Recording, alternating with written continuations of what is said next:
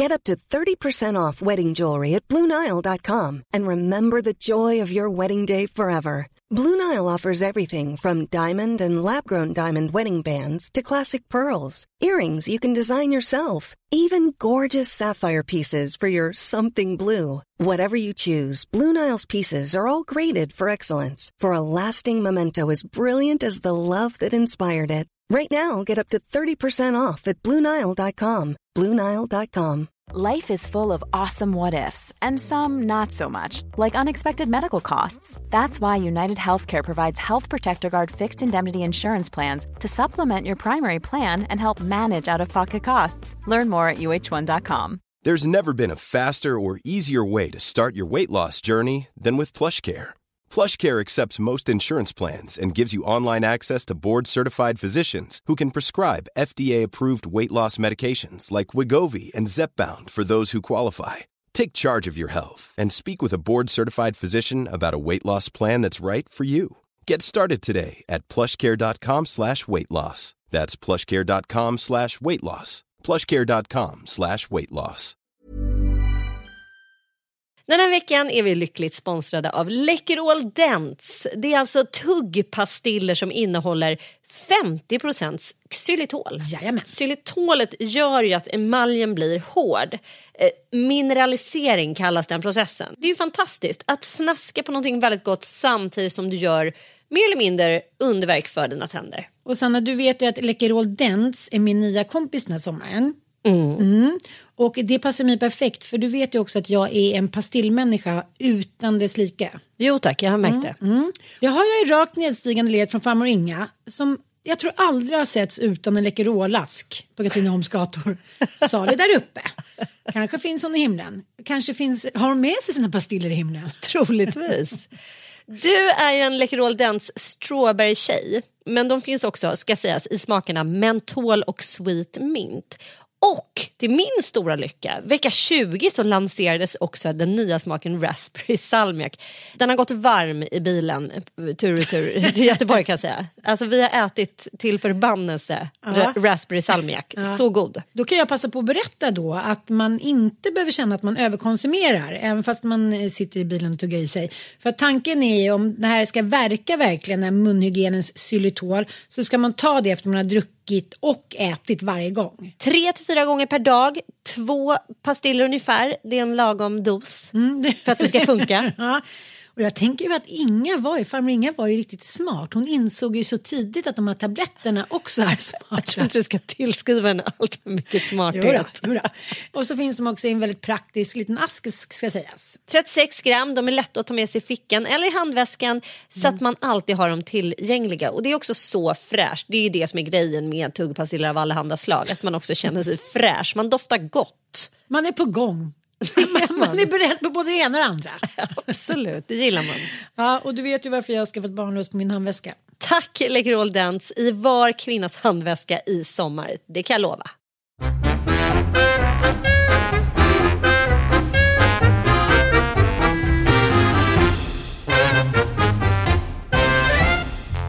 Hej Sanna och hej alla ni som lyssnar på Inte din morsa-podden. Ni blir fler och fler och eh, ibland känner jag mig lite löjlig när jag ska här, tacka lyssnare och följare. Och så, här, för att jag känner att jag, du ska inte tro att det är någon och Jante och så här. Men det skiter jag fullständigt i. Jag är så glad att ni lyssnar och Sanna, jag blir liksom helt uppfylld. Jag tycker det är så otroligt kul att podda med dig. Jag, jag, jag klarar mig inte utan, utan den här podden längre. Det är gulliga. Jag älskar den här podden också. Det, alltså, vi blir så glada när ni ja, men, retweetar grejer, eller nej, vad heter det? Re- Re-instagrammar. Ja, men instagrammar när ni lyssnar och skickar DMs om hur mycket ni tycker om den här podden. Och, ja, vi tycker ju som ni eh, att det här är jätte, jättekul att göra den här podden. Så att fortsätt bara och så fortsätter vi och så blir allting som en enda ljuvlighet. Och jag får fortfarande en massa glada och positiva och tacksamma DM om eh, vår podd där vi tar upp grooming och teen porn och hit och dit. Mm. Och det känns så himla bra. Vi kommer ju såklart alltid återkomma till det. Och eh, ja, porrfri Mm. barndom är också, kan vi tipsa om att gå in och läsa. Det har kommit lite ny fakta här hur faktiskt det påverkar eh, barn och unga att se porr. Såklart. Mm. Men hörru du, jag eh, har levt under svår stress och press senaste dagarna. ja, eftersom, ja, det är roligt hur man kan eh, tycka om någon och vilja att det ska gå så bra för någon att man nästan lever lite i dens värld. Och nu pratar jag såklart om, ja du kan ju berätta själv. på spåret, vart är du på väg? Ja.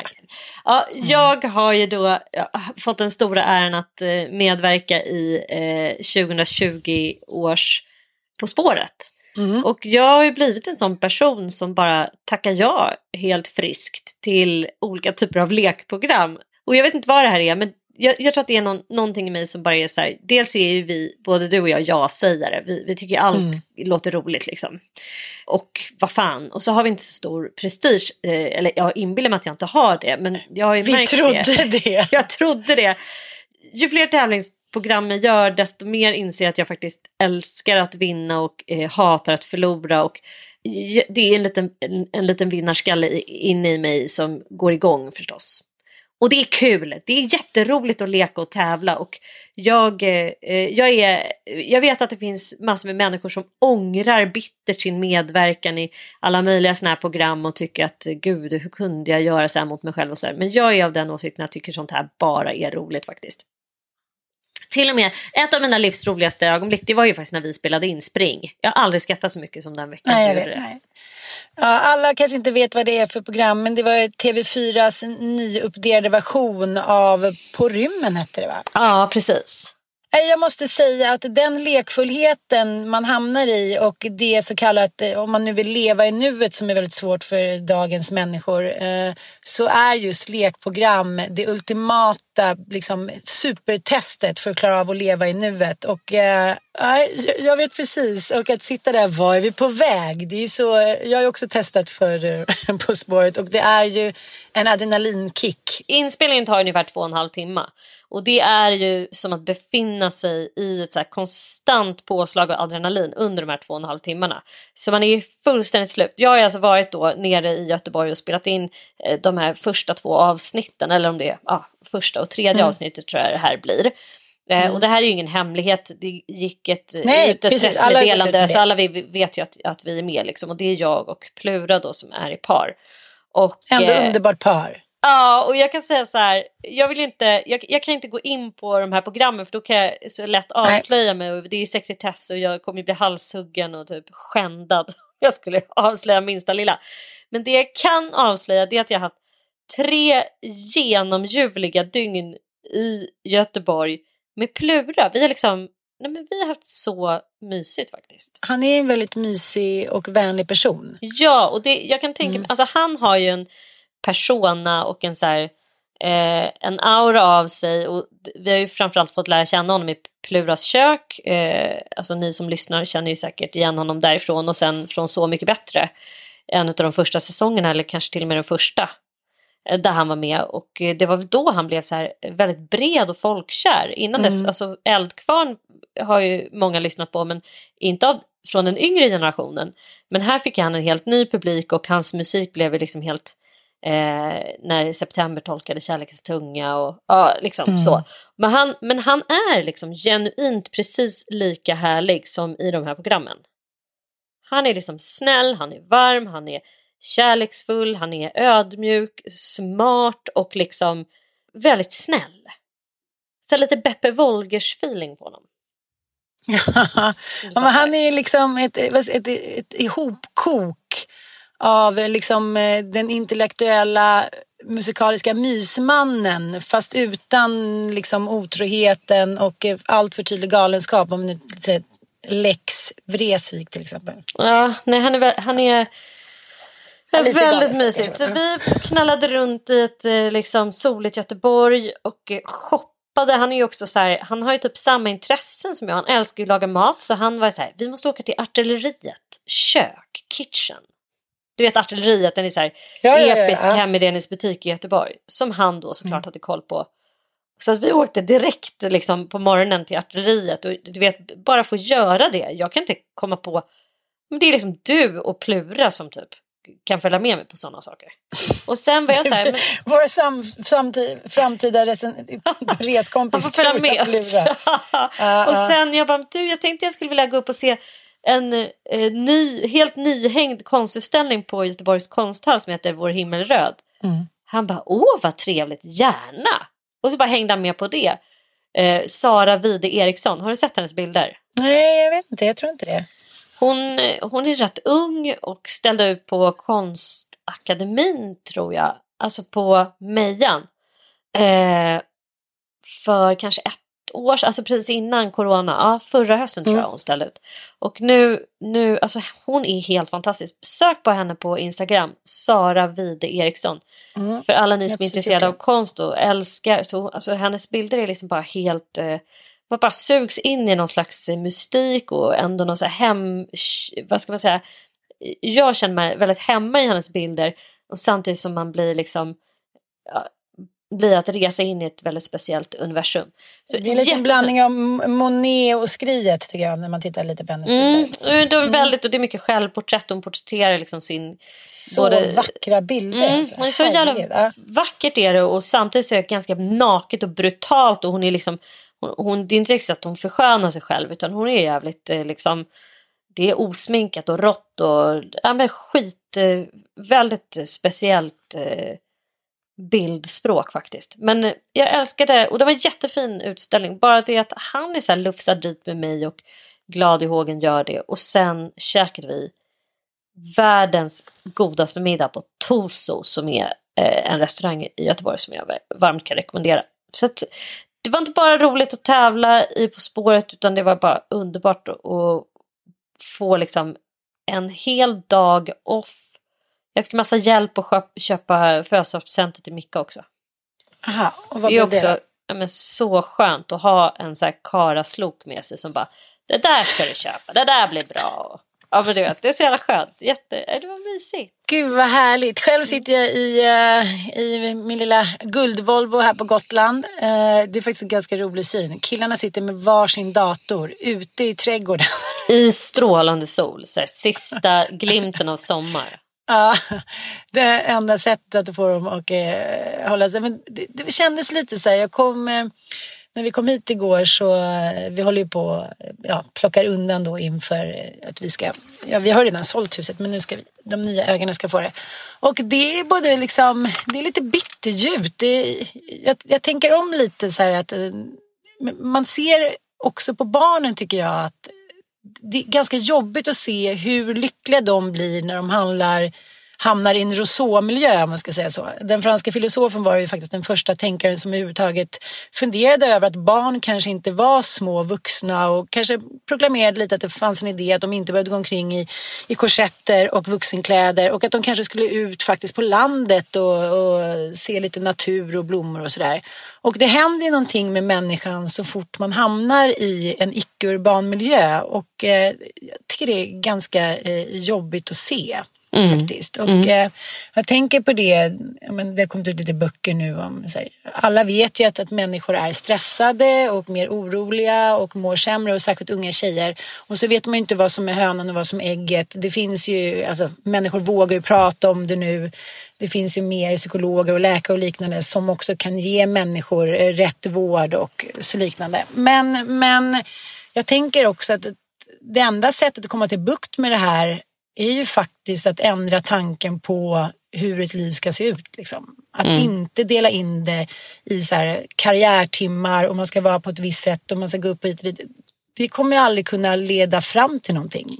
Eh, och det blir väldigt tydligt nu när man är på landet att så här, det borde finnas en, en eh, djupare och starkare debatt kring det här. Än att bara konstatera att så här är läget. Liksom. Mm, Blir du sugen på att bli landetbo liksom? Nej, men alltså, jag kan ju inte hålla på och lura mig själv tills jag är 263 år och ligger på dödsbädden. Eh, men det som egentligen skulle passa mig vore väl att ha ett ställe lite närmare stan. Så man kunde, du vet, svänga över på en timme, en och en halv. För det, säga vad man vill, men det är lite råddigt att ta sig till Gotland. Men ja, eh, jag vet inte. Det är också eh, ett så mycket enklare och lugnare liv när man har ett hus. Men det kan man ju skaffa sig i stan också. Nej, jag- det, var, det blev bara väldigt tydligt när man slungas mellan världar. Eh, hur de började skratta skratta och springa omkring och bli så som små hundvalpar från att inte vara det. Mm. Lite så här. Men nu lever ju du i den världen men eh, jag tänker överlag att debatten kring det här med dåligt mående och jag käkade frukost med en kompis häromdagen och hennes dotter mår väldigt, väldigt dåligt och eh, hon skriver på nätet då att hon liksom är deppig och tycker inte livet är värt att leva och vad ska man göra och sådär. Och det är ju, unga tjejer är ju bevisligen liksom men det är mycket krav från omgivningen vilka de ska vara och vem de ska vara. Men någon grej som hon sa som var jävligt intressant var att hon också såg ett sånt tydligt, eh, en så tydlig skillnad från efter hon hade fått mens. Mm. Att just det här hormoniella som man tänker att ja, det påverkar barn och ungdomar. Det påverkar oss så mycket längre än vad vi tror. Vi tänker så här, ja men eh, man blir hormoniell och det finns massa olika, det, ja du vet vad jag menar. Mm. Och man pratar om att så här, PMS, men liksom, vi måste ju prata om hur det, alltså vi måste se en större bild kring det kvinnliga måendet, så känner jag, och det, det manliga också. Jag tänker ur så många eh, aspekter. Alltså man kan ju titta på en människa ur flera, många perspektiv. Och, mm. eh, vi har ju, det här har vi pratat om i podden förut, men vår tid har ju en fäbless för det biologiska eh, sättet mm. att se på en människa. Vi vill förklara allting med så här, med kemi liksom. Eh, mm. Allt ifrån en depression, allting eh, hittas ju svaret då i liksom att vi har olika kemiska rubbningar i hjärnan och hormonella störningar och så vidare. Så här. Men jag tänker också att det är någonting annat som händer när, när en, eh, rent psykologiskt så händer det någonting när en flicka får mens. Liksom. Och jag vet inte hur du kände, men jag kände att så här, alternativet, alltså som flicka, att vara flicka, att vara barn, det tyckte jag om. Men tanken på att bli kvinna Dels mm. så bara äcklades jag av ordet kvinna. Jag kommer ihåg att mamma var så här, det är, snart blir du kvinna. Jag bara Åh! Du vet att jag bara kände så här, gud vad mm. äckligt mm. liksom. Mm. Och så har jag funderat mycket på så här, var, varför kände jag så? Jo men det är inte så konstigt för vi lever i ett samhälle där, där det florerar alltså ett kvinnohat, apropå det här med porr. Mm. Eh, och synen på vad en kvinna är, att kvinnor faktiskt har varit ägodelar fram till väldigt nyss i vår historia att kvinnor är väldigt objektifierade i vårt samhälle fortfarande, att det handlar extremt mycket om eh, vårt utseende, att vi så att säga eh, går från att vara ett, ett objekt, alltså ett barn eh, som får vara bara eh, ett barn till att plötsligt bli eh, en, en sak som liksom är både en ägodel och sen i vårt moderna samhälle då så ska vi slå oss fria från det och manifestera oss som människor då. Så att det ställs extremt höga krav på vuxenblivandet för eh, flickor. Det gör säkert mm. för pojkar också. Det finns ju annan problematik tänker jag med pojkar, liksom, att de ska ju manifestera den här manligheten som, eh, som vi blir matade med eh, i vårt samhälle som inte alls är sund den heller. Men jag tänker att för kvinnor är det ändå så här, en liten sorg i att gå från att vara liksom ett barn i frihet, ett, eh, ett subjekt till att bli liksom ett eh, objekt som kvinna. Liksom, att det finns en jävla eh, sorg i det och ett motstånd som väcks. Så, eh, självklart hormonellt men sen också så är ju mensen e, ett, eh, ett, ett det är, det är ett, verkligen en så övergångsrit. Alltså, nu är du inte barn längre. Utan nu, mm. nu är du på väg in i obönhörligen till att bli då det här kvinna med kul. Liksom. Alltså det, det är inte lätt i vårt samhälle. Så, så man kan, det, det jag vill mena är att så här, det kan vara svårt ur många olika aspekter. Både rent medicinskt förstås med hormoner som spökar men sen också eh, det psykologiska och sen också alltså sociologiskt, vi är liksom människor tillsammans i grupp som skapar olika kulturer. Eh, och just så här, kvinnokulturen är inte eh, så jättelockande trots att vi lever i tider som aldrig har varit så jämställda någonsin så eh, är det fortfarande enorm ojämlikhet mellan könen faktiskt som råder. Ann, du har ju mm. precis blivit fadder. Ja. Gud vad kul! Via Barnfonden? Precis. Det känns som att jag har fått ett, eh, ett sjätte barn och nu äntligen en dotter. Nej, men skämt åsido så tycker jag att som förälder så är man ansvarig för alla barn i hela världen även om det låter kanske lite svulstigt. Och eh, min tjej nu, eh, eller som jag hjälper, hon heter Jasmina, tio år och har fem syskon och bor i ett mycket, mycket, mycket fattigt område i norra Indien. Och som fadder då så hjälper jag inte bara henne utan jag stödjer ju Barnfondens fantastiska arbete i hela området. Och genom att jag är fadder till Jasmina då så eh, kan jag ge fler barn rent vatten, bättre hälsa och bra utbildning. Och det är så roligt för att det, jag får ju brev då och kommer få rapporter så jag ser hur mitt eh, ja, stöd gör att hennes liv blir bättre. Och jag tycker det känns väldigt härligt. Och det kan ju framstå som kanske lite gammeldags eller dyrt, men det är ju inte det. För 250 kronor i månaden så förändrar du många barns liv. Och jag, jag tycker det är vår skyldighet att se till att alla barn i i världen som har det jobbigt och svårt kan få en bättre framtid. Och det gör man genom att bli fadder. Så att, eh, ja, jag måste rekommendera det här. Jag känner mig så glad och eh, peppad. Och Det som är fint med fadderskap tycker jag det är att alla barn mår ju faktiskt väldigt bra av att ha en fadderkompis. Att ge sina barn en eh, bästa kompis på andra sidan jorden. Och Det blir så verkligt för ens egna barn att, att se hjälpen verkligen gå fram till det här enskilda barnet som man faktiskt skapar relation till. För att annars tycker jag att eh, gåvor till biståndsorganisationer och andra då barnrättsorganisationer de kan bli väldigt anonyma och det är väldigt svårt för eh, lite mindre barn att förstå att det här faktiskt hjälper. Mm. Så det här tycker jag är verkligen en viktig del av, i alla fall eh, ja, men i all fostran av våra privilegierade barns liv att få dem att förstå att alla inte har det lika bra som dem. Precis. Barnfonden tycker jag också är fantastiska för att de gör ett jättejobb med coronarelaterade barnfrågor just nu. Mm. Om man inte kan bli fadder av olika skäl, man kanske inte har ekonomisk möjlighet just nu, så går det alldeles utmärkt att swisha en gåva till 901 30 20. Märk då gåvan Corona så öronmärks de här pengarna till just eh, att stävja coronans framfart i delar av världen som är extra utsatta.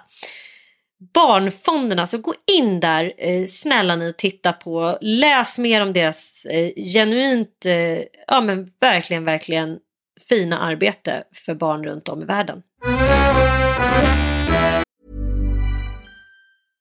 Ryan Reynolds here from Mint Mobile. With the price of just about everything going up during inflation, we thought we'd bring our prices down. So to help us, we brought in a reverse auctioneer, which is apparently a thing.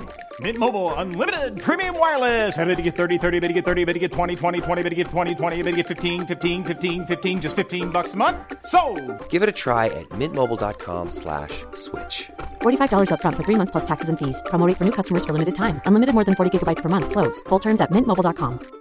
Now's the time to save 30% on wedding jewelry, only on bluenile.com. Make sure your wedding ring is the one with your pick of diamond and lab grown diamond bands, all hand finished and graded for excellence. Or surprise her with something blue she'll love for life, like a stunning pair of sapphire earrings. Blue Nile's jewelry experts are available 24 7 to help, from fit questions to style advice. Right now, get up to 30% off at Bluenile.com. Bluenile.com. Life is full of awesome what ifs, and some not so much, like unexpected medical costs. That's why United Healthcare provides Health Protector Guard fixed indemnity insurance plans to supplement your primary plan and help manage out of pocket costs. Learn more at uh1.com. Many of us have those stubborn pounds that seem impossible to lose, no matter how good we eat or how hard we work out. My solution is PlushCare PlushCare is a leading telehealth provider with doctors who are there for you day and night to partner with you in your weight loss journey. They can prescribe FDA-approved weight loss medications like Wagovi and Zepbound for those who qualify. Plus, they accept most insurance plans. To get started, visit plushcare.com slash weight loss. That's plushcare.com slash weight loss. jag tänkte bara liksom tänkte på det när jag var i Paris eh, och så skrev jag om det efteråt. Så tänker jag så här, att jag eh, berättade ju för dig att jag var liksom, ja, men lite besviken när jag kom hem och så tampades jag med mig själv. Varför var jag besviken? Det var ju min dröm om Paris kanske inte var liknande deras och även om jag pratar om, om min 14-åring så tänker jag och så pratade jag med Anita om det och de hade varit i Paris några år innan och eh, Anita hade blivit så, hon hade tappat det på Penny för att Penny lackade ur för att hon inte fick några rullskridskor eller vad det var. Och då sa hon så här, gud att du, att, du, att du höll i så länge. Jag tappade det på Penny redan efter typ fyra timmar. Och då tänkte jag också på samma sak. att hade jag åkt med två döttrar så hade jag säkert också ställt mycket högre krav på att de skulle liksom gå i takt med mig och gilla det jag gillade. Och nu var de minsann tonåringar och vuxna och 18 och så här. Nu fick de liksom hoppa upp från mamma, liksom mammavingen. Att, att man hela tiden undermedvetet tänker att så här, ja ja, Eh, jag, fick, jag liksom hade en liten rannsakan med mig själv. Att varför, alltså vad var vad? Jag tar med dem på en resa. De kanske inte önskade den resan. De vill inte göra samma sak som jag. Men handlar det då om att man ska visa lite jävla respekt för sin mamma då som har betalat det här, jada, jada. Eller är det så 40-talssätt att tänka på? Är liksom är det där förbi? Handlar det bara om vår egen bitterhet på något sätt att vi, att vi har, har drömt om någonting som inte blev? Jag, jag har svårt att veta faktiskt. Det är jävligt... Det är väl, det är väl på olika nivåer. Alltså, mm. Man kan ju bli rålack. Jag lackade på mina barn i morse. Men sen var jag tvungen att be om ursäkt för en av dem. Men jag var så här, hallå har ni köpt någon present till pappa nu då? Micke fyller år idag. Aha, okay. uh, så jag bara, har ni köpt någon present? För jag påminner dem innan jag åkte till Göteborg att så här, köp mm, mm. någonting nu. De bara, ja vi ska köpa så här. Ingen av dem hade köpt något. Och jag bara, men alltså vad fan är det mer liksom? Det, mm. det, det är så här, ni förväntar er, alltså ni skulle bli helt skogstokiga om jag och pappa bara hade så här, oj jag glömde. Mm. Alltså mm. ni är faktiskt värdelösa på att visa er uppskattning och eh, er eh, liksom uppstyrdhet och sådär. Och någonstans här, nu, nu börjar ni bli så stora så att ni kan ju åtminstone rita en teckning eller göra ett litet gulligt kort eller gå ut och plocka en blomma. Ni är ju inte liksom två år längre. Då Igor muttrade från bara, fan jag smsade ju dig i förrgår. Såg du inte det? Jag bara, du har inte skickat något sms till mig, det skulle jag ha sett. Han bara, ska jag visa eller? Och så tryckte han upp till facet på mig och då hade han skrivit så här, åh pappa fyller ju år snart, jag tänkte vi kunde köpa ett par Air Max Jordan. Problemet är att det kostar fyra lax. Ja. jag bara, vi ska göra det. Jag, jag ska köpa så här Air Max Jordan. Till pappa från Igor. 4 000 spänn som morsan har Jag har sparat jättelänge pappa. Ja. Och det var de här jag ville. ja men typ så här, skor som man själv kan ha kanske också. Ja du mm. fattar. Men eh, så han hade ju tänkt men sen när han inte fick någon respons från mig så hade han liksom tagit det vidare. Men just att det finns en så här otacksamhet att vi så, som vi var inne på förut, att så här, vi är ju en generation som har curlat sönder våra barn. Mm. Ja, tuppen jag, jag har gjort det också, skämt bort dem utav helvete för att man på något sätt kanske har en ekonomi som ens egna föräldrar och den generationens föräldrar inte hade. Nej, vi, vi har nej. en växande medelklass, vi tillhör den och vi har möjlighet att ge våra barn liksom obegränsat med prylar och dessutom finns det prylar i varenda litet jävla hörn. Mm. Till och med på ICA, det fanns ju inte när vi var små, till och med på Mathem har vi kunnat liksom klicka hem leksaker. De får ju leksaker varenda liksom, gång Mathem kommer för att de bara ser någon liten legogrej de vill ha när man sitter och handlar på nätet. Ja men du fattar, så att de är ju bortskämda och bortklemade. Och eh, mm. eh, det är tyvärr inte alltid så att barn gör som barn gör som man gör. Nej, för då skulle ju de vara mästare på att ge presenter och eh, skänka gåvor och tänka liksom eh, ett steg till. Det har i alla fall eh, inte utvecklats hos eh, mina barn. Det här med gåvor och så. Jag vet inte hur det är med dina. Är dina bra på presenter och surprises till dig? Ja, verkligen kanoners där. Så det, det är man ofta med att man, man kommer ner och så får man eh, liksom lite frukost på sängen. Mm. Men ja, det är också svårt så här. Jag tänkte på det för Ninni, min kompis var hemma hos oss och vi firade Ossian. Och mm. eh, ja, men då hade vi liksom middag två dagar, lite spontanmiddagar som det inte blev någonting eftersom Ossian var då utomlands när han fyllde år. Och då eh, ser jag på henne, hon är ju hård, alltså hård mot sina barn när det gäller så här, uppfostran, ordning och reda, jämlikhet, bla bla bla. Och till slut så lackade jag ur. Jag bara, men det är ingen som ens kunde börja plocka fram. Eller det. Hon sa, men du har ju själv satt i den här situationen. Det är ju du som gör allting. Så det är ju jätteskönt för dem. Då säger jag så här, men min, eh, vad ska jag säga, min naiva tro och önskan är att jag har fostrat eh, ett gäng smarta, empatiska barn som då med åren blir insiktsfulla. Men, men det tror jag att man kan glömma, för det kan man ju se på män. Det, det tänker du också fortfarande om Micke och det verkar ju som att om man inte gör någonting själv så kommer det inte att ske, eller har jag fel? Nej, men jag tänker att det här kan vara en del av vårt medberoende faktiskt. För Micke säger till mig så här. Jag läser av och scannar av eh, min familjs behov och så ligger jag steget före. Och för det mesta så tycker jag att det är mysigt. Men ibland så kommer jag ju till punkter när jag känner att så här, det här är inte rättvist. Jag gör mer än vad de andra. Jag visar mer, jag bakar fler tårtor, jag bakar mer bullar. Jag är den där allestädes närvarande liksom, goda fen som poppar upp med en smörgås innan de ens visste att de var hungriga. Liksom. Mm. Och jag tänker då att jag ska skapa barn som också har den där lilla tentakeln ut, den där känslan av att läsa av vad andra behöver och också svara på det utan att man behöver be om det. Men Micke bara, men vad fan vill du att de ska vara så här små eh, scanners och så här gå och känna av känslor? Det är det man inte vill att de ska vara. De ska Ja. liksom inte behöva göra det. Utan däremot så måste du lära dig att delegera. Och be om saker. Att så här, nu ska du göra det och du ska göra det. Och du ska inte göra det då med någon så här bitter underton för Nej. att du känner att allt... Utan så här, innan den bittra undertonen kommer ska du delegera på ett lustfyllt och snällt sätt. Så här, Idag ska du göra det och det och det och det. Och så kommer man behöva påminna dem 43 000 gånger för de har liksom inte fullt utvecklade hjärnor och kom ihåg-listor eh, i sig. Liksom. Men jag är skitdålig på det.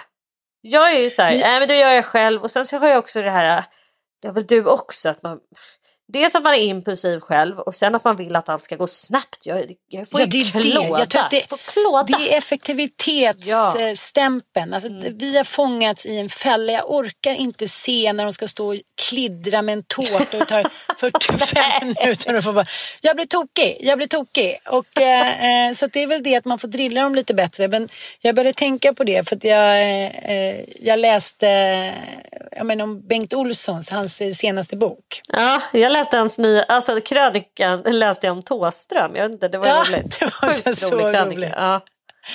Han är lite skön tycker jag för han skriver ju massa olika sorts böcker. Han har verkligen inte hamnat i ett fack liksom. Nej. Men han kan ju skriva om eh, rörelse mellan länder och tider och sexuella läggningar och kön och hit och dit. Jag, jag tycker han är briljant på det sättet och inte heller en fegis liksom, som jag tycker många män kan vara i litteraturen. De vågar inte riktigt gå utanför liksom, den manliga av August Strindberg på något sätt eh, inprintade mallen utan man måste ändå någonstans vara manlig. Förstår du vad jag menar? Mm, mm. Och i hans då, senaste roman Midsomnattsdrömmar eh, så berättar ju han då om, eh, han, gör nedslag tre gånger i eh, på midsommarafton i ett, så här, ja, men ett kompisgängs liv. Liksom. Mm.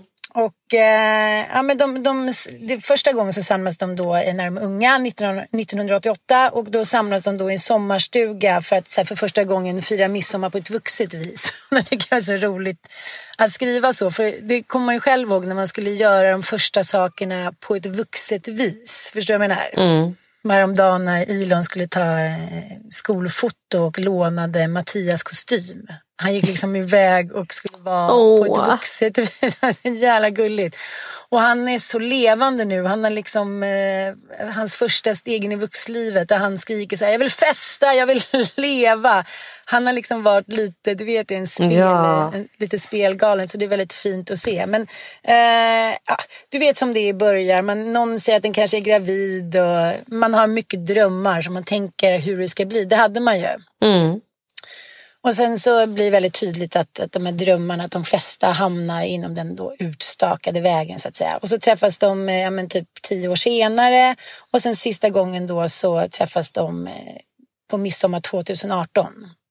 Mm. Och då står det så här att, att alla är lyck, liksom, ingen är lycklig eh, men alla låtsas då. Och, och att, man, att drömmar de, de grusas och eh, hiten och dit att alla hamnar ändå på samma spår och så här.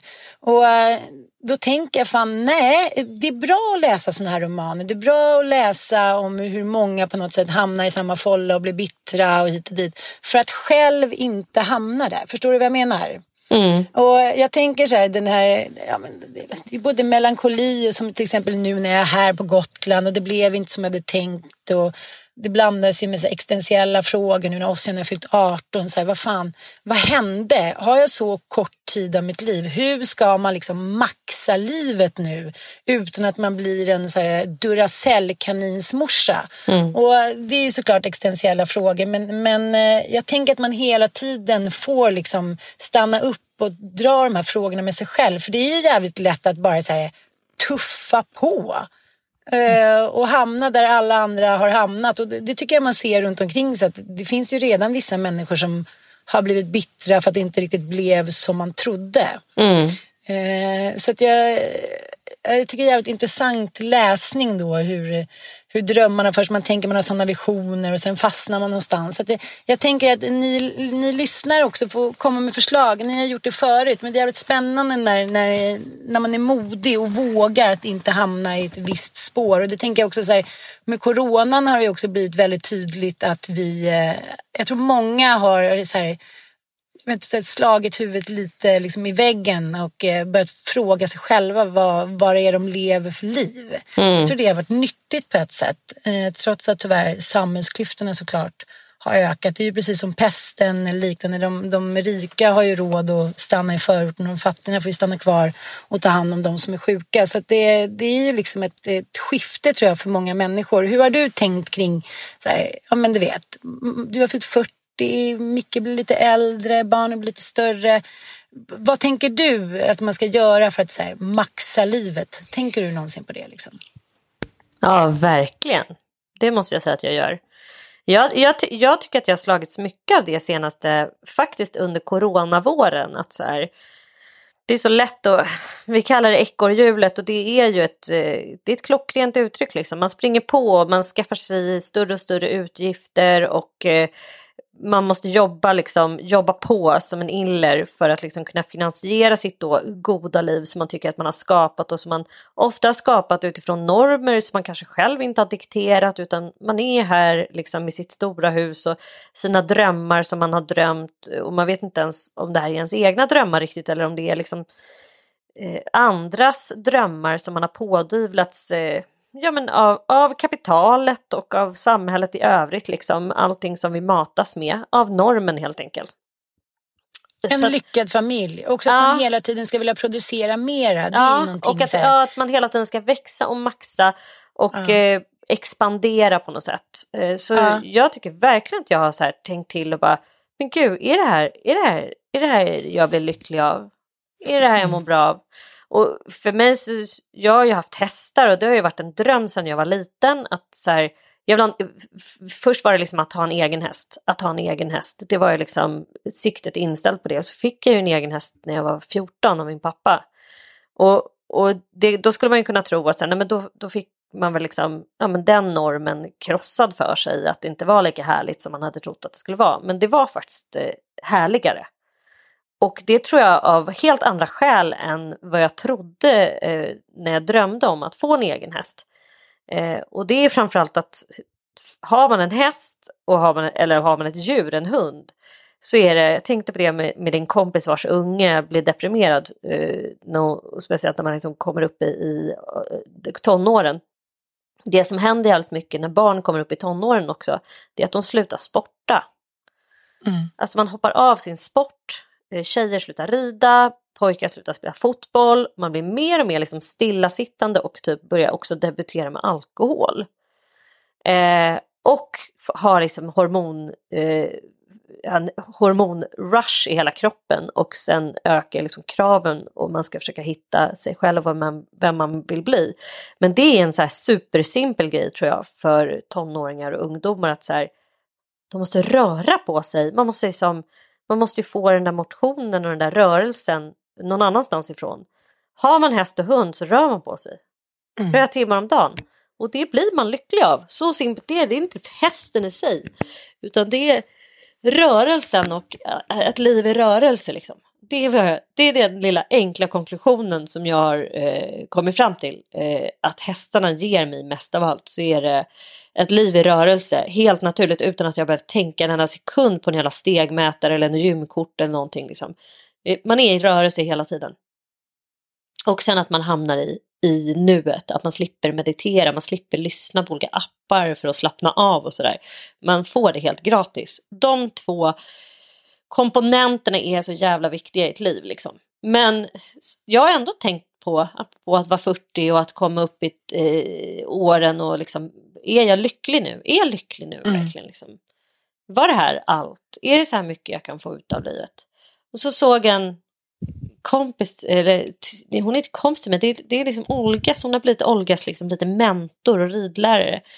Skithärlig människa som också har haft liksom hästarna som dröm i hela sitt liv och, och skapat en eh, gård, en hästgård nere i Skåne eh, där hon har ridläger för ho små hoppryttare. Liksom.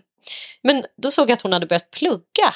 Så här, åh, här ligger jag och äh, nu har jag bytt liksom typ grepen mot eh, en trave böcker. Så här. Och så skrev jag bara, gud vad, vad roligt det Har du börjat plugga? Ska du sadla om? Hon bara, ja men jag måste ju tänka på ett liv efter efter Skyro på barnen när de flyttar hemifrån. Hennes yngsta är väl så här, vad kan han vara, tioårsåldern eller något sånt där. Hon har fyra söner. Så nu ska jag läsa till sjuksköterska för jag vill jobba med Läkare utan gränser runt om i världen och åka runt och Alltså, och då bara känner jag så här, fy fan vad härligt, det vill jag också. Ja. ja, när mina barn är utflugna, gud vad jag ja. skulle kunna tänka mig att göra det. Jag vill jobba som biståndsarbetare, lätt eller liksom sjuksköterska med Läkare utan gränser. Jag vill ut i världen. Det, det är mm. helt bomb. Och då kände jag bara att det var så jävla härligt att så här, ja men gud, nej, nej, nej, det här är liksom, sen börjar nästa kapitel. Ja. Mm. Gud vad bra. Då tänker jag att, för jag vill också, jag känner också så här, jag vill verkligen ut i världen. Jag, eh, men vi kan ju också tänka att vi har vår penna. Vi skulle kunna skriva för Läkare utan gränser. Vi skulle kunna skriva rapporter. Och förbättra. Ja, ja. ja vi, vi kanske inte liksom behöver gå en högskoleutbildning för att bli, utan vi kanske bara ska börja jobba bredare med vår journalistik och så söka, alltså, nu har vi ägnat oss åt ganska mycket åt den lilla världen, att skildra den lilla världen. Nu kanske vi ska ägna oss åt att och liksom berätta om den stora världen och saker som händer eh, längre utanför oss själva. Så jag ser sjukt mycket fram emot att, inte att barnen ska flytta hemifrån, men jag, jag blev i alla fall väldigt glad att säga nej men då börjar bara nästa kapitel av livet och jag är ganska så övertygad om att jag kommer tycka att jag hittar lycka där också. Liksom. Men, ja men gud det, det, tror jag också, men jag, jag tänker att det är väldigt lätt att livet liksom man tänker inte ens att man har gått in i de hjulspåren som man inte ville liksom, eh, köra in i bara för att man man tänker att man är en människa som hittar på mycket grejer och gör mycket grejer. Men, men eh, det är jättekul. Jag läser ju Räddaren i nöden nu. Eller jag har läst ut den i natt. Mm -hmm. eh, den, den gamla, gamla klassikern.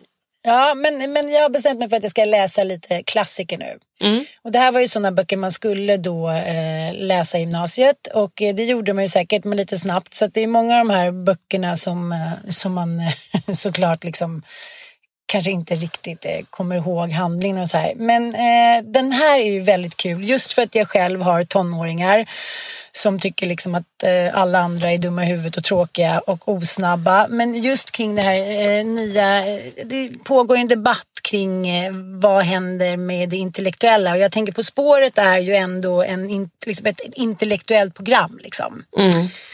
Eh, och ja, men, det är en massa debatt kring så här, ja, vad sker om, kommer vi inte hinna vara liksom, eh, kommer vi inte ha tid att vara intellektuella i framtiden liksom?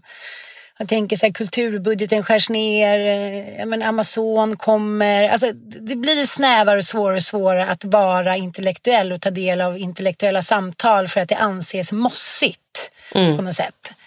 Uh, och då är det så roligt för den här huvudpersonen i den här klassiska boken. Uh, för övrigt uh, J.D. Salingers enda bok i livet. Han blev en sån här enromans klassikerförfattare och sen, ja, sen kunde han liksom inte trycka ut sig så mycket mer, i alla fall inte publicera. Några noveller, men sen blev det liksom inget mer och han blev ändå så 93 år. Mm.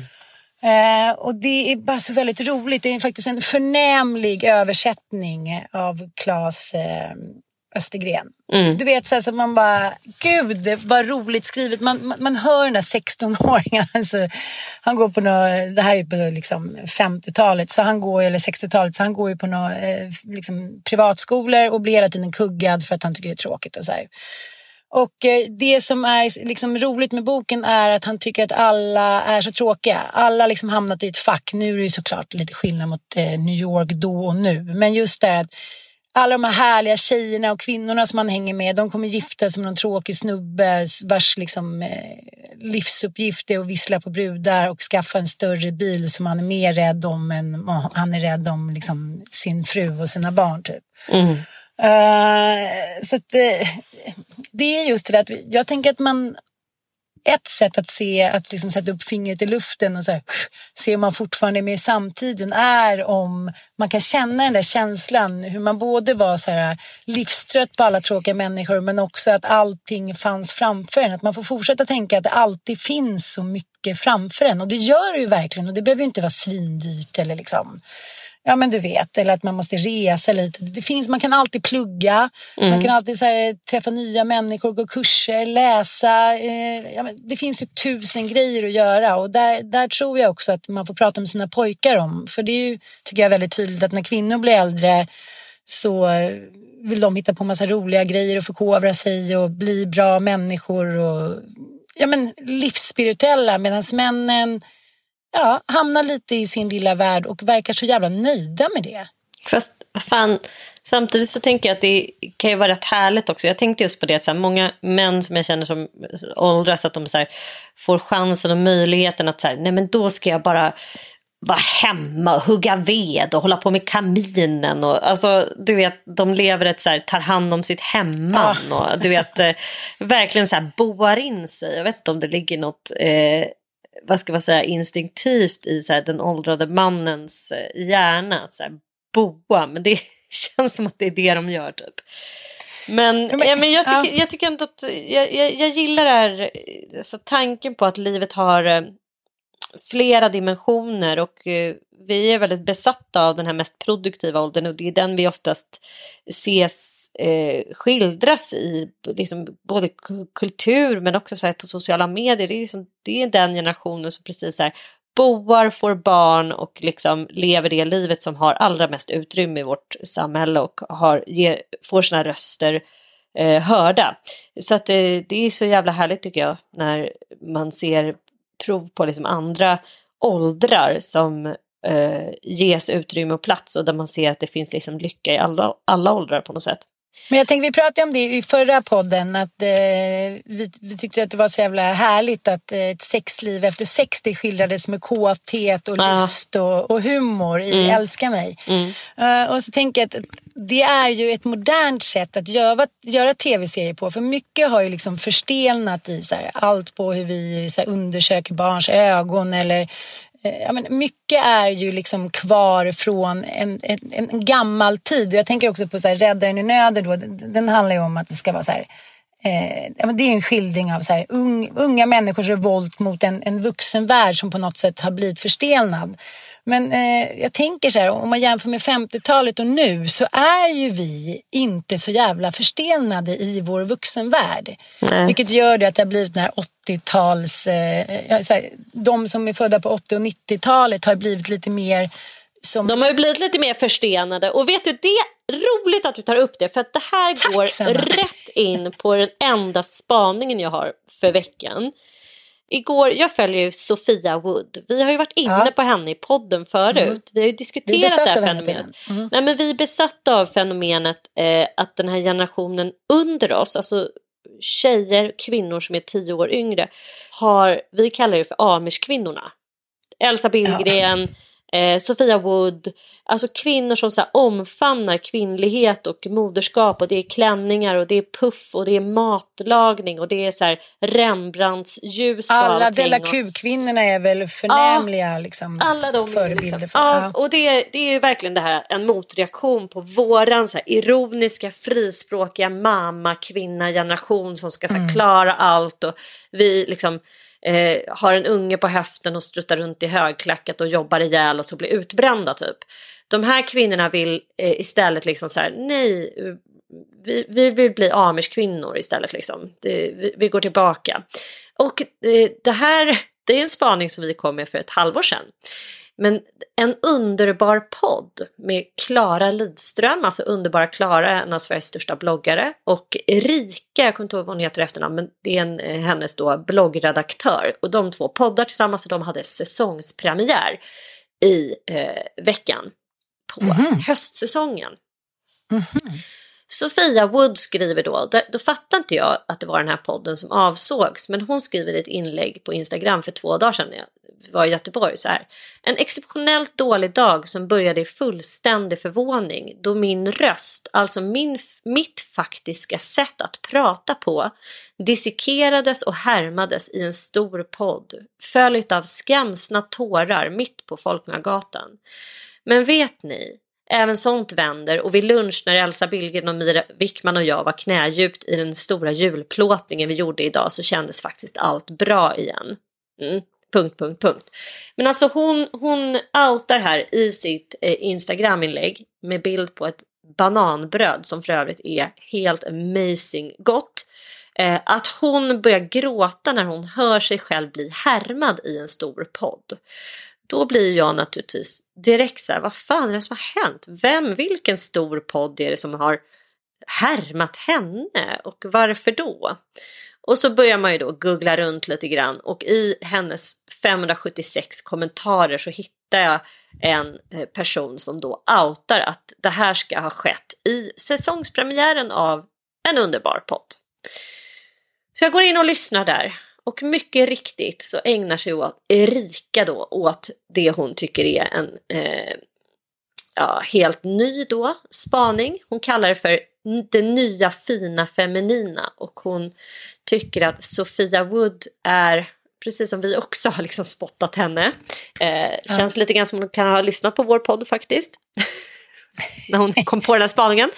Ja. Eh, men hon kan också jag menar det är ju sådär med när man, när man har spaningar, det är så, har man öron och, och, ögon utåt och det har ju de flesta journalister så hittar man oftast faktiskt samma, eh, vad ska man säga, samtidsnycklar. Men hur som helst så härmar hon Sofia Wood för hon tycker att hennes röst är så ett typexempel på det här nya fina feminina. Att hon pratar på ett sånt fe, utpräglat feminint sätt som gör henne väldigt osäker. Det här återhållsamma, det långsamma, det mjuka, det viskande.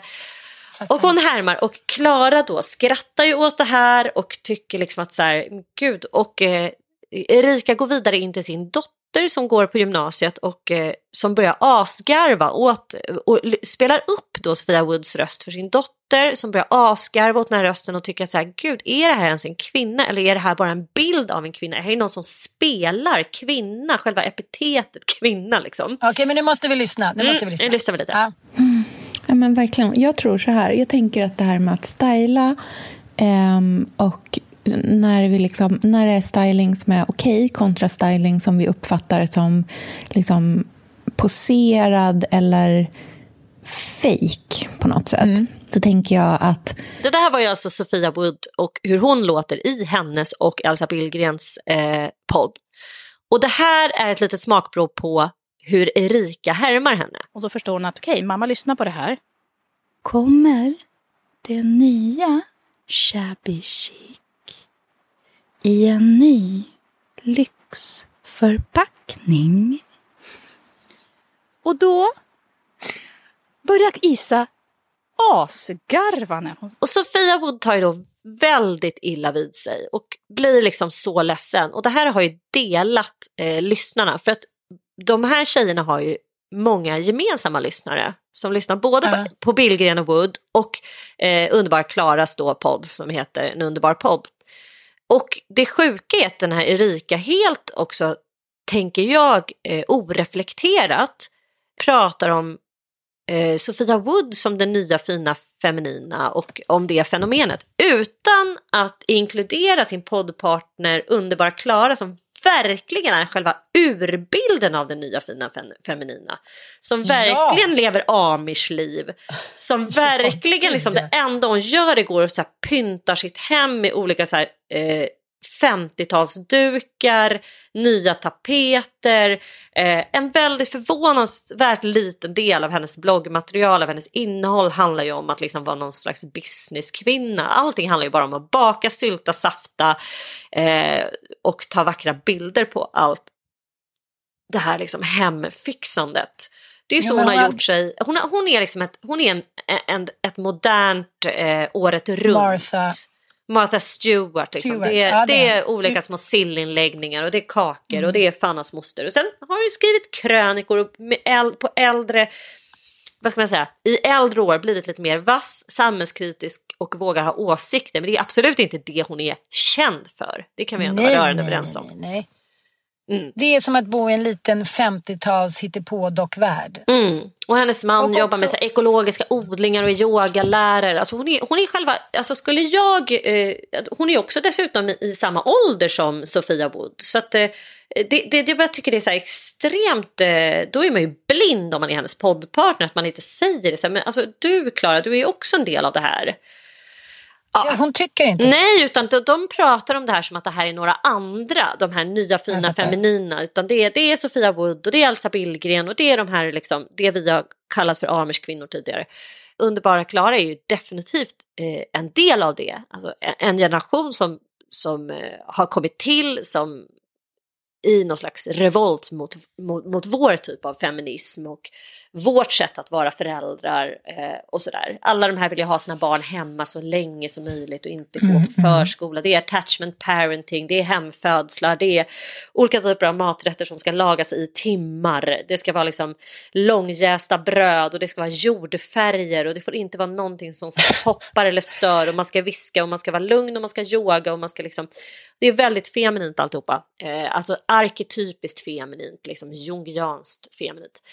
Eh, och jag har ingenting emot det, jag vill inte lägga någon värdering i Jag tycker bara att det är väldigt fascinerande att se att, att vi pendlar så här i, i bilden av vad en kvinna är och vad som är feminism för vissa är inte feminism för andra. Liksom. Vi som har kämpat för att få göra karriär och få jobba och få samma ekonomiska plattformar som männen. Nu är det ett gäng feminister som tycker att så här, nej, männen får pröjsa, vi vill vara hemmafruar. Mm, mm. Igen, alltså att har gått tillbaka. Mm. Eh, för att återgå till den här konflikten, för det här har ju då delat de här blogg, eh, blogg och poddlyssnarna Eh, i två läger. Vissa tycker då att Sofia Wood är överkänslig och löjlig och att när man är en offentlig person så får man ju tåla att bli både i, alltså satir och att få bli diskuterad och sådär. Och jag ska säga att deras analys av henne, liksom att de väljer henne som en symbol för det nya fi fina feminina, den tycker inte jag är elak. Men det är just den här härmningen som jag tycker är så jävla gränslöst vidrig.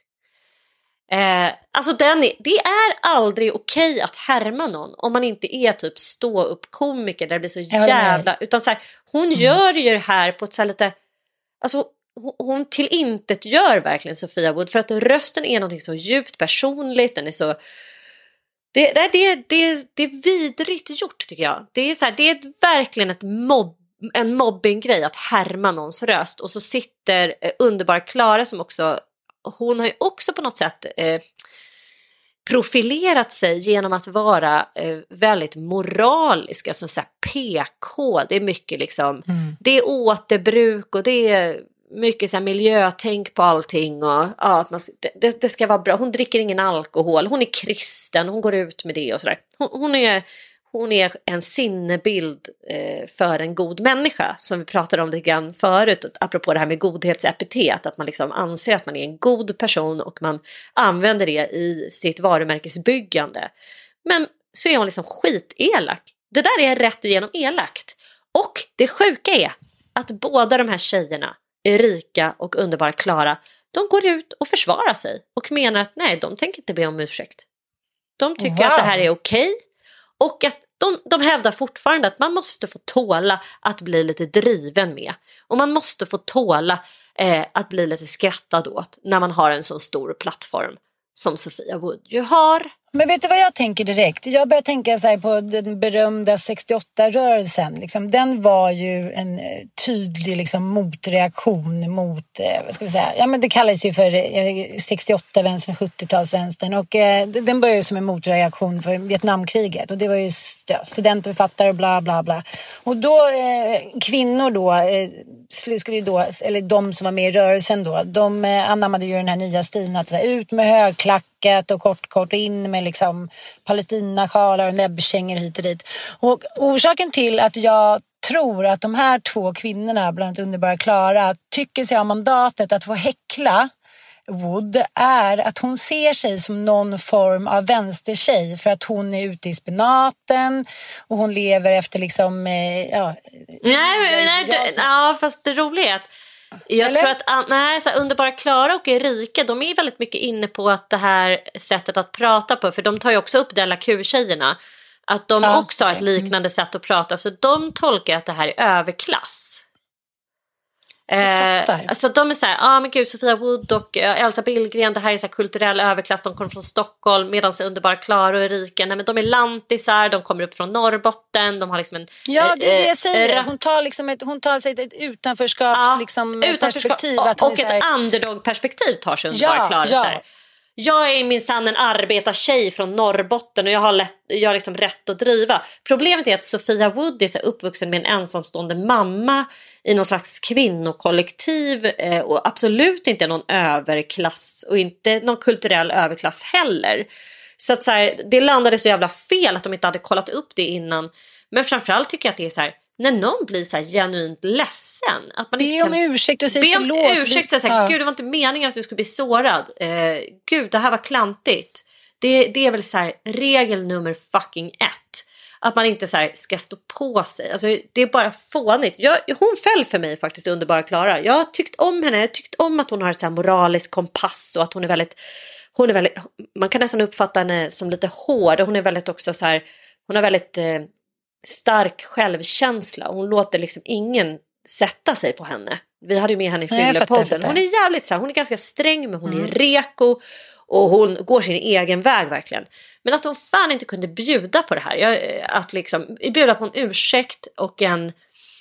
Eh, att korrigera. Att säga, oj, vi gick över gränsen, det var inte okej. Nej, hon försvarar sig. Men, men jag tycker som du säger, det är inget fel på analysen. Den är intressant. Jag, men jag, Det är ju samma analys som om vi har att Jag gjort. möter Ossian i Paris han bara, du pratar annorlunda. Det verkar som att du vill vara någon som du inte vill vara. Du pratar lite överklass. Så det är klart att det kan ligga någonting i det. Och nu vill jag, ja, men det finns ju många olika grupper av människor som kanske ändrar ton. Ja, men, jag, jag, liksom, jag menar inte så, men, men, men homosexuella eh, inte, de blir inte anklagade men, men många manliga sexuella pratar ju feminint. Mm. Det är ju ingenting som, eh, alltså det är ju bara att lyssna. Just för att de kanske känner att de feminina sidorna passar dem bättre. Ja, eller så kan det vara att man. Att man vill tillhöra en grupp. Att man, så här, Ja, att man verkligen så här, gud. Och det, jag menar, det händer ju hela tiden. Alltså, har man umgåtts med vänner så övertar man ju deras tonation och sådär. Absolut. Det är liksom en form av anpassning. Så det är inget konstigt i sig. Och, eh, jag, menar, jag skulle kunna raljera över till exempel Hedda Stiernstedt som gör McDonalds-reklam. Alltså personer som så här, pratar sexualiserat. Det kan jag bli galen på. Som är så här, Ja, det kan för sig också bli. Ja, jag bara, men gud, det är en fucking hamburgare jag ska äta här. Det är liksom inte, Jag ska inte knulla med den här hamburgaren. Alltså sluta, jag vill inte... Så Liksom, desperat är jag inte. nej. Gud. Nej, det håller jag med om. Där, där säger jag också så här, de kan jag vara jävligt dömande mot. Människor som ska sälja på mig vad som helst med typ en porrröst. Det går bort. Det, det kan vi Ja, ja, det- lyssna på den också såklart. ja, det gör vi. It is heating up in here. Am I dreaming or is that blue cheese and hot sauce?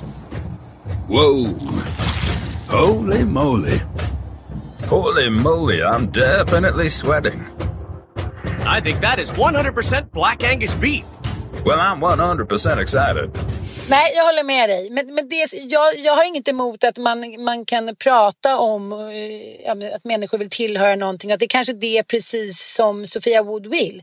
will. Men att hålla på och mobba och sen gå in och bara drar ett, ännu ett varv, ännu ett varv. Och är sitta och härma på det här viset, det är bara Och det är mobbing. inte ens kul. Nej, men det är inte ens kul. Det är bara liksom, det, man får bara bitter eftersmak i munnen. Så jag säger också det, fan, jag har väl själv gjort f- 500 pudlar i mitt liv.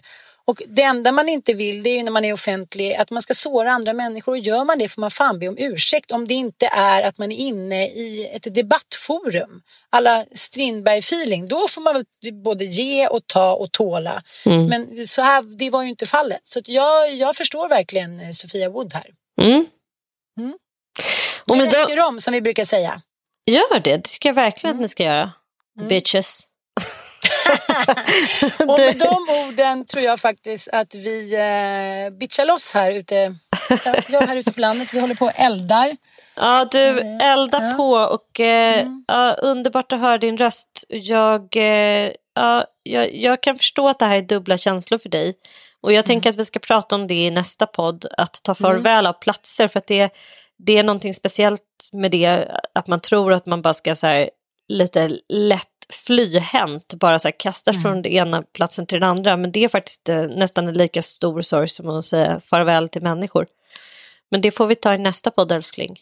Nu Mm, ska det du få göra det.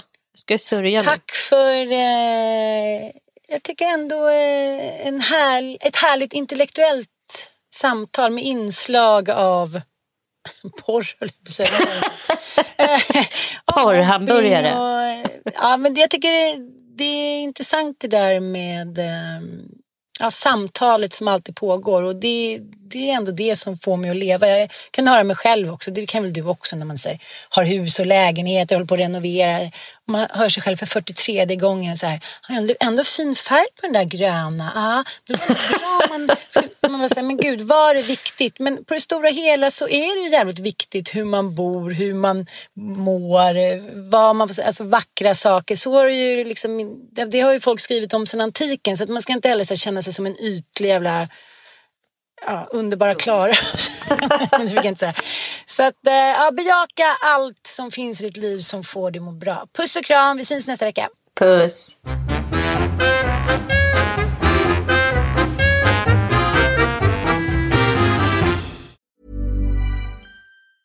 Hi, this is Kristen. And this is Jen from My Mom So Hard.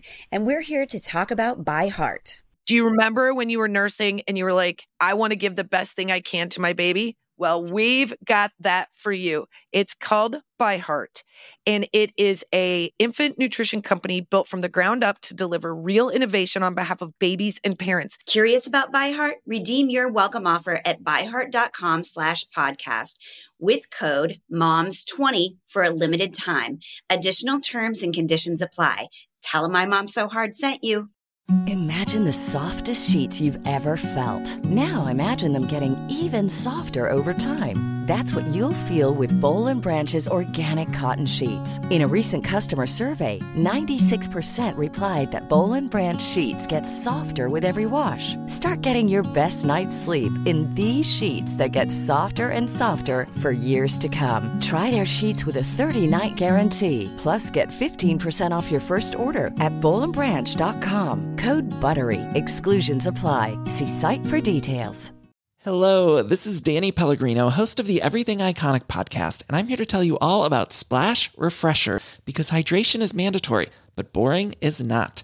Now, I love my water, but if I don't spice it up, I'm not going to finish what I took out of the fridge. That's why I love my Splash Refresher, which is flavorful, delicious, bright, hydrating, and zero calories.